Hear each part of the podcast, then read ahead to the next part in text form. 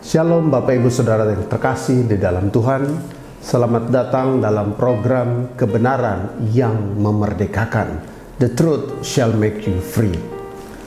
Membaca berita tentang perkara korupsi Betul-betul membuat kita geleng-geleng kepala bahkan marah Karena angka-angka yang dikorupsi dan mengakibatkan kerugian negara Semakin hari semakin fantastis Bagaimana tidak dalam kasus Jiwasraya sekitar 16 triliun.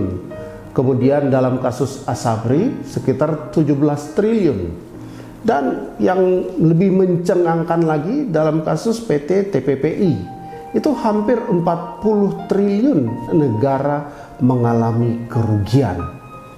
Betul-betul angka yang luar biasa besar yang sekiranya kalau itu tidak dikorupsi kita bisa bayangkan berapa banyak pembangunan, berapa banyak orang-orang yang susah bisa ditolong oleh negara.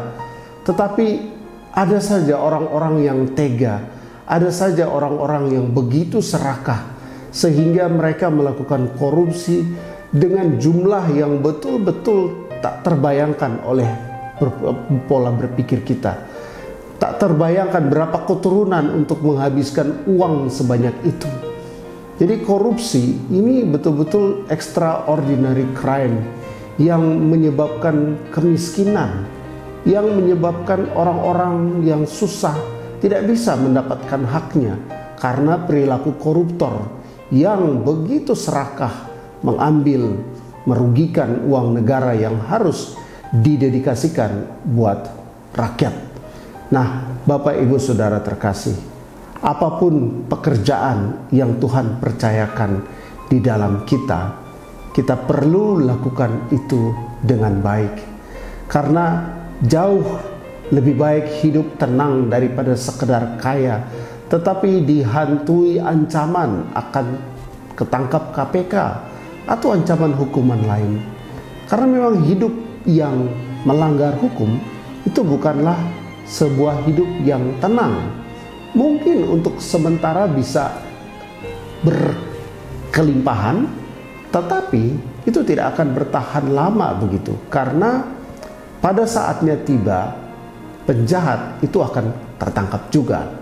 Nah, firman Tuhan dalam kitab Yesaya 33 ayat 15 dan 16 itu dikatakan bahwa orang yang hidup dalam kebenaran yang berbicara dengan jujur Dialah seperti orang yang tinggal aman di tempat-tempat tinggi. Bentengnya ialah kubu di atas bukit. Rotinya, persediaan makanannya disediakan, air minumnya terjamin. Amin. Jadi, ketika kita hidup dalam kebenaran, kita hidup sebagai orang yang berbicara dengan jujur. Firman Tuhan dalam kitab Yesaya tadi jelas mengatakan bahwa rotinya akan disediakan, air minumnya terjamin. Artinya apa? Kita tidak perlu korupsi hanya untuk bisa hidup, terjamin hidup. Karena orang yang hidup benar, jujur, firman Tuhan menjanjikan dia akan terjamin kehidupannya. Selanjutnya dalam kitab Yesaya 32 ayat 17 itu jelas banget dituliskan bahwa di mana ada kebenaran, di situ akan tumbuh damai sejahtera. Ketika hidup kita benar, maka hidup kita itu damai sejahtera. Karena di mana ada kebenaran, tidak koruptif, tidak menyalahgunakan keadaan, menyalahgunakan wewenang, maka di dalam diri kita, hidup kita, keluarga kita akan tumbuh damai sejahtera dan akibat dari kebenaran ialah ketenangan dan ketentraman untuk selama-lamanya. Luar biasa. Hidup benar itu ada akibatnya dan akibatnya itu luar biasa. Akibat kebenaran adalah ketenangan dan ketentraman untuk selama-lamanya. Apalagi yang kita cari kalau bukan ketenangan dan ketentraman dalam hidup. Nah, seharusnya kita semua Bapak Ibu Saudara yang terkasih, memiliki fellowship yang dekat dengan Tuhan, supaya kita selalu diingatkan untuk selalu berada dalam track yang benar, dalam jalur yang lurus sesuai dengan kebenaran firman Tuhan. Karena dalam kitab Amsal 10 ayat 9 itu dikatakan bahwa siapa bersih kelakuannya, aman jalannya. Kalau bersih kelakuan, aman jalannya. Tetapi siapa berliku-liku jalannya akan diketahui. Jadi apa pun siasat yang dibikin oleh penjahat, koruptor, berliku-liku jalannya akan diketahui. Selanjutnya di Amsal uh, eh, 5 ayat 21 itu dibilang bahwa karena segala jalan orang terbuka di depan mata Tuhan. Wow, segala jalan orang terbuka di depan mata Tuhan. Kita bisa sembunyi dari KPK, dari polisi, dari jaksa.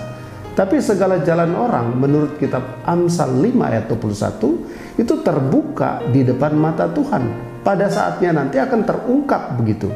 Dan segala langkah orang diawasi oleh Tuhan. Jadi kita ketika memiliki hubungan yang erat dengan firman Tuhan, maka kita akan selalu aware bahwa mata Tuhan selalu melihat kita. Sehingga ketika ada kesempatan misalnya untuk mengambil apa yang bukan menjadi hak kita atau untuk berkorupsi, maka kita diingatkan oleh Tuhan bahwa matanya selalu mengawasi kita. Jalan kita selalu dilihat oleh Tuhan. Dan itu yang bisa membuat kita tidak tertarik untuk melakukan perbuatan-perbuatan dosa seperti korupsi. Nah, Bapak Ibu Saudara terkasih di dalam Tuhan. Kitab Amsal 5 ayat 22 dikatakan bahwa orang fasik itu tertangkap dalam kejahatannya. Orang fasik itu orang jahat, koruptor. Tertangkap dalam kejahatannya dan terjerat dalam tali dosanya sendiri. Orang yang berbuat jahat termasuk koruptor mereka itu membuat tali dosa dan mereka akan terjerat tersandung oleh tali dosanya sendiri. Hingga pada saatnya nanti mereka akan diproses secara hukum dan mereka akan dihukum.